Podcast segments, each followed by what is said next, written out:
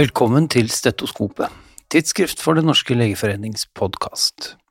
Hver annen uke med medisinske redaktører og helseaktuelle gjester i studio, og hver annen uke Redaktørens hjørne, der jeg, Are Brean, sjefredaktør i tidsskriftet, gir deg en høyst subjektiv gjennomgang av de nyeste forskningsartiklene, sakene og debattene i de største internasjonale generellmedisinske tidsskriftene.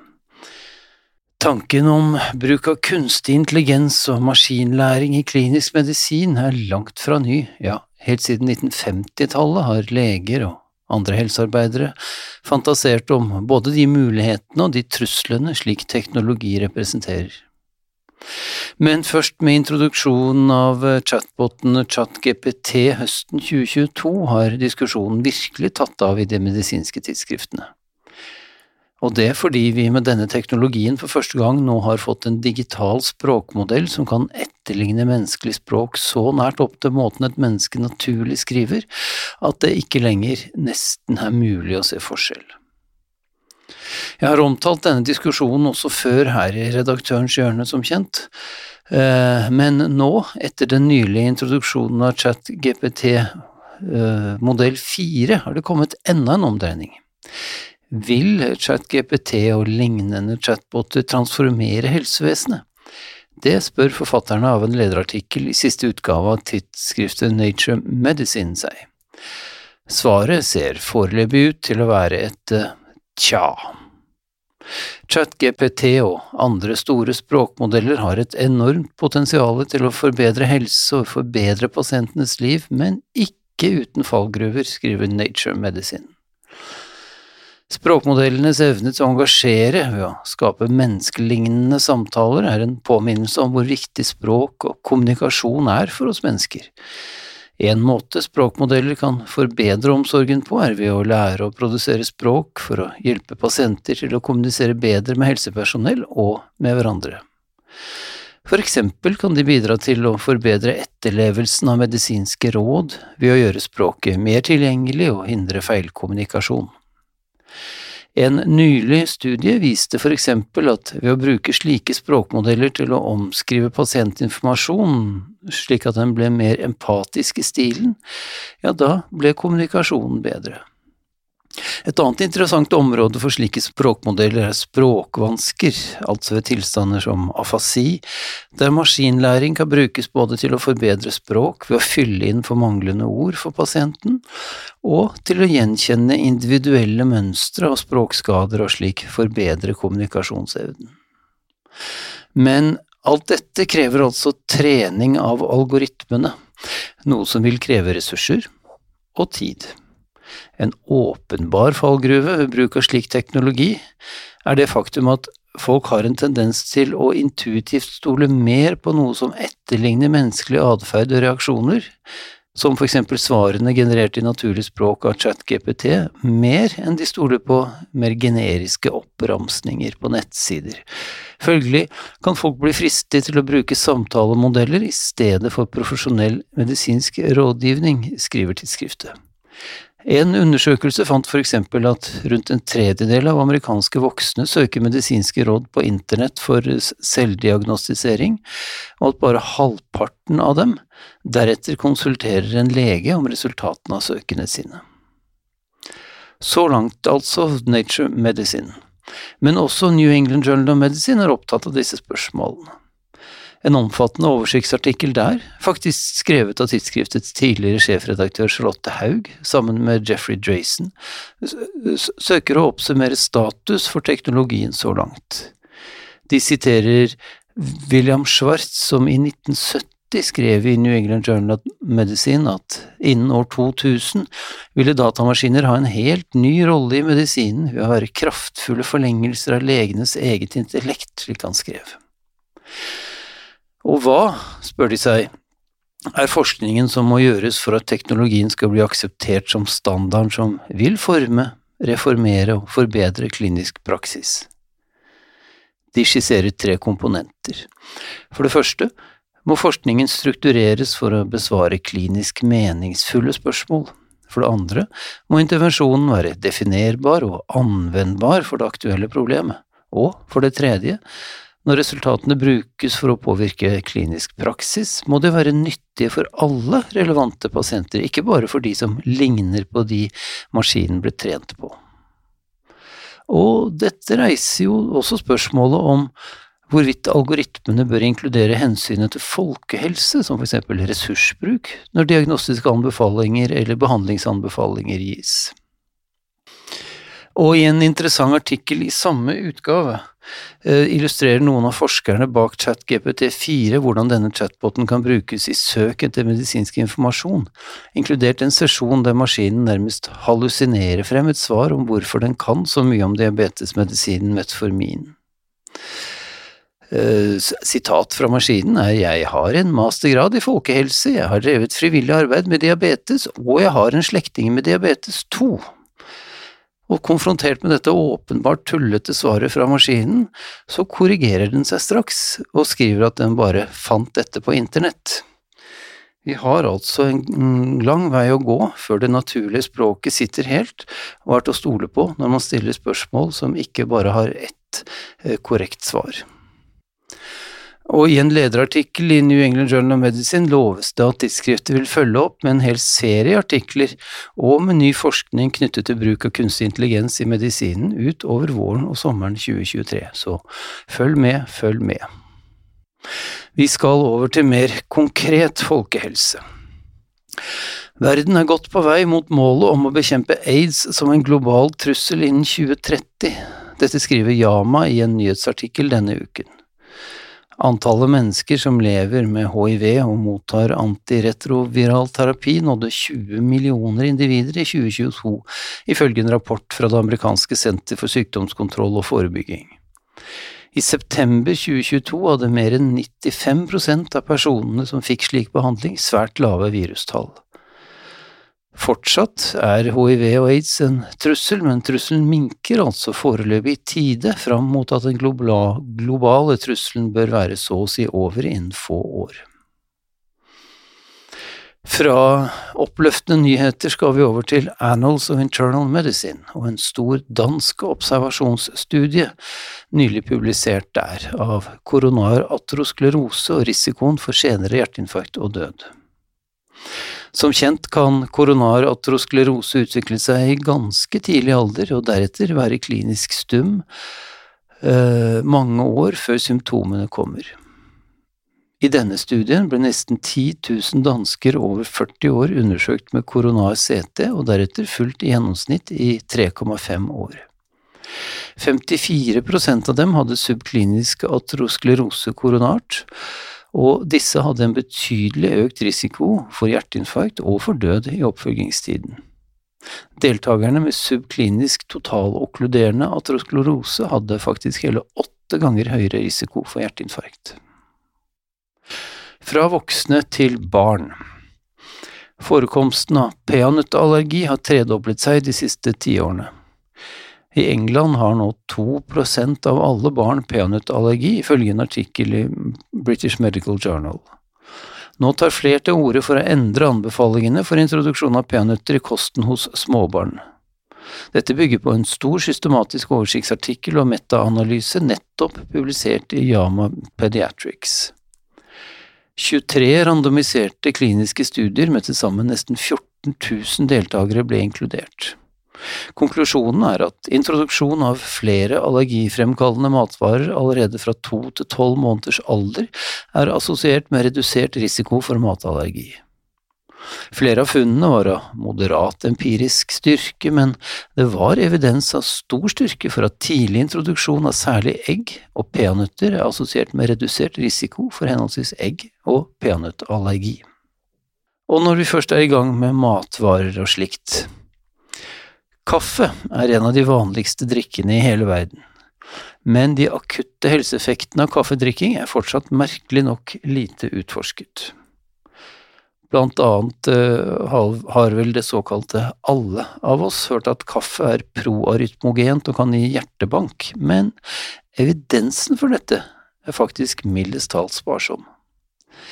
Det er bakgrunnen for en stor, prospektiv, randomisert kasus crossover-studie nylig publisert i New England Journal of Medicine. Designet på studien var særlig elegant, hør nå. 100 voksne forsøkspersoner ble utstyrt med et EKG-apparat for kontinuerlig registrering. Samtidig fikk de et akselerometer på håndleddet og en kontinuerlig glukosemonitor. Alt dette sammen med en app for å samle geolokaliseringsdata for alle. Daglige tekstmeldinger ble sendt over en periode på 14 dager, og disse tekstmeldingene tilfeldig instruerte deltakerne om å innta koffeinholdig kaffe eller unngå koffein helt. Det primære utfallet i studien var gjennomsnittlig antall daglige premature atriekontraksjoner. Compliance ble vurdert ved bruk av sanntidsindikatorer registrert av deltakerne selv, sammen med datostemplede kvitteringer for kaffekjøp og virtuell overvåkning, såkalt geofencing, av hvorvidt deltakerne faktisk hadde oppsøkt kaffebarer. Inntak av koffeinholdig kaffe var assosiert med 58 daglige prematuriatre-sammentrekninger, sammenlignet med 53 på dager da koffein ble unngått. Forskjellen var ikke signifikant og konklusjonen åpenbart. Det er ikke holdepunkter for at koffeinholdig kaffe gir flere premature atriesammentrekninger enn det å unngå koffein. Nok en myte for fall der, altså. Og når vi først snakker om vanlige ting i et menneskeliv, uspesifikke akutte korsryggsmerter er, om ikke like vanlige som kaffedrikking, så i alle fall en svært vanlig problemstilling i klinisk praksis. Godt over 90% av de som presenterer seg med en slik problemstilling hos legen, skal ikke ha noe annet enn en klinisk undersøkelse og deretter råd om smertelindring i påvente på at det hele skal gå over. Men hva slags smertestillende skal man tilrå? Som så ofte ellers finnes det her rikelig med evidens for effekt målt mot placebo, men sparsomt med evidens for relativ effekt i komparative studier. Det søker en nylig systematisk oversiktsartikkel og nettverks metaanalyse i British Medical Journal å bøte på. Ni randomiserte kontrollerte studier ble inkludert, til sammen undersøkte disse 69 ulike kombinasjoner av medikamenter hos til sammen over 14 000 pasienter. Studien inkluderte både ulike NSAID-er, muskelavslappende, kortikosteroider og opiater. Det ble funnet lavt eller svært lavt evidensnivå for redusert smertenivå for samtlige studerte medikamenter, både mot hverandre og mot placebo.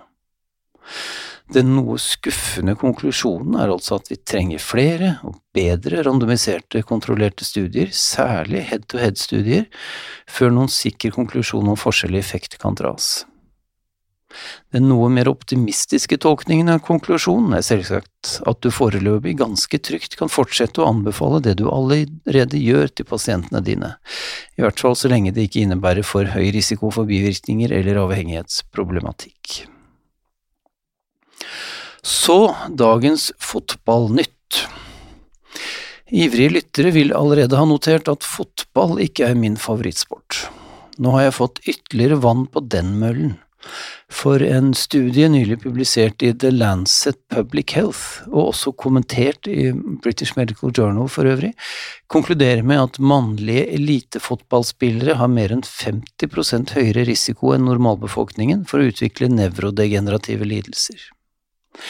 Av de over 7000 fotballspillerne som hadde spilt minst én kamp i den svenske elitedivisjonen mellom 1924 og 2019, hadde 8,9% senere fått en nevrodegenerativ lidelse. Vanligst var Alzheimers sykdom, mot 6,2% i den generelle befolkning. Fotballspillerne hadde dog ingen signifikant økt risiko for motorsykdom. De hadde noe lavere risiko for Parkinsons-sykdom og noe lavere totalmortalitet, 40% mot 42 Pussig nok gjaldt økningen i risiko for nevrodegenerativ sykdom ikke målvakter, bare utespillere. Nå nærmer det seg som kjent påskens helligdager, og skiløping er nok fortsatt å anbefale fremfor fotball, og hvis du må på død og liv spille fotball, så sørg i alle fall for å stå i mål, ifølge denne studien.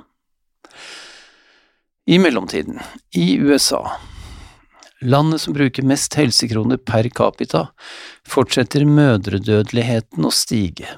Dette melder Yama. Trenden forutgikk covid-19-pandemien og har akselerert under pandemien. Mellom 2018 og 2019 økte dødeligheten fra 17,4 mødredødsfall per 100 000 levendefødte til 20,1. Den fortsatte deretter å stige til 23,8 i 2020 og til 32,9 i 2021. Og som alltid er det store helseforskjeller mellom de ulike etnisitetene i USA, med fargede amerikanere som de mest utsatte. Ikke bare derfor, men også derfor spør Nature seg i en lederartikkel i forrige uke om tidsskriftet bør støtte politiske kandidater, og svarer selv at ja, det bør de når situasjonen krever det. Bakgrunnen er selvfølgelig at Nature på lederplass støttet Joe Biden fremfor Donald Trump i forrige presidentvalgkamp, og de annonserer allerede nå at dersom Trump stiller til nok et valg, vil de også denne gang støtte motkandidaten. Når enkeltpersoner som søker embeter har en merittliste for å forårsake skade, når de åpenbart avviser fakta og integritet, når de truer vitenskapelig autonomi og forakter samarbeid og konsensus, da blir det viktig å si fra, heter det fra Nature på lederplass. Heldigvis er vi langt fra en slik virkelighet i norsk valgkamp, i alle fall foreløpig. Og så, siden det er påske, må vi snakke litt om empati. Hva er det som gjør at vi fylles av sorgfulle følelser stilt foran for eksempel avbildninger av den lidende Jesus på korset? En helt ny artikkel i tidsskriftet Science viser at egenskapen empati kanskje er enda mer grunnleggende nevrobiologisk rotfestet i oss og utviklingshistorisk eldre enn man tidligere har trodd. I denne studien studerte forskerne sebrafisk. Fra før er det kjent at emosjonell smitte, altså det å bli emosjonelt og atferdsmessig påvirket av andres emosjonsuttrykk, og som regnes som en grunnleggende form for empati, ja, den finnes også hos fisk. Det nye nå er, ifølge denne studien, at nevropeptidet oksytocin både er nødvendig og tilstrekkelig for at sebrafisk som observerer andre og urolige sebrafisk, begynner å imitere oppførselen. Hjerneregionene som er aktive under slik emosjonell smitte hos sebrafisk, er de samme som de som er involvert i den samme prosessen hos gnagere, først og fremst i hjerneområdet striatum. Det ser altså ut til at oksytocin er en nøkkelregulator for grunnleggende empatisk atferd på tvers av alle studerte virveldyr, noe som tyder på at denne mest basale formen for empati har utviklet seg for mange millioner år siden. Til sist i dag, også i anledning påsken, er det verdt å referere en studie nylig publisert i tidsskriftet Current Biology, og som også er referert i siste utgave av tidsskriftet Nature. Beethovens dødsårsak har nemlig lenge vært en gåte, og det er skrevet utallige artikler som spekulerer i årsaken, både til hans tiltagende døvhet og til hans tiltagende symptomatologi de siste månedene av livet. I studien brukte man åtte hårlokker som alle blir hevdet å stamme fra Beethoven på dødsleiet, og som det finnes samtidige kilder som beskriver ble klippet av ham. Fem av disse viste seg å stamme fra samme individ, mest sannsynlig Ludvig selv. DNA-et som ble ekstrahert fra disse fem hårlokkene, viste at Beethoven hadde to kopier av en spesiell variant av genet PNP-LA3, som har vært knyttet til leverkirose. Han hadde også enkeltkopier av to varianter av HFE-genet som forårsaker arvelig hemokromatose, en tilstand som som kjent skader leveren, den også. Dessuten ble det også ekstrahert fragmenter av hepatitt B-virus. Sannsynligvis, konkluderer forskerne, døde Beethoven av leversvikt i en slags perfekt storm forårsaket av en kombinasjon av arvelig leverkirose, hepatitt B og hemokromatose, det hele tilskyndet av hans kjente alkoholoverforbruk. Disse funnene stemmer godt overens med samtidige beskrivelser av hans sykdomsforløp. Men det som forblir uforklart, er hvorfor han utviklet døvhet. Verken Patches sykdom eller lupus, begge to tilstander som er assosiert med døvhet, fantes det spor av i Beethovens DNA. Heldigvis, kan man kanskje si, ligger fortsatt noen forklaringer altså i historiens mørke, idet det akkurat i disse dager er nøyaktig 196 år siden Beethoven døde. Og som vanlig finner du referanse til alle de omtalte artiklene på nettsidene. Riktig god påske, så høres vi neste gang.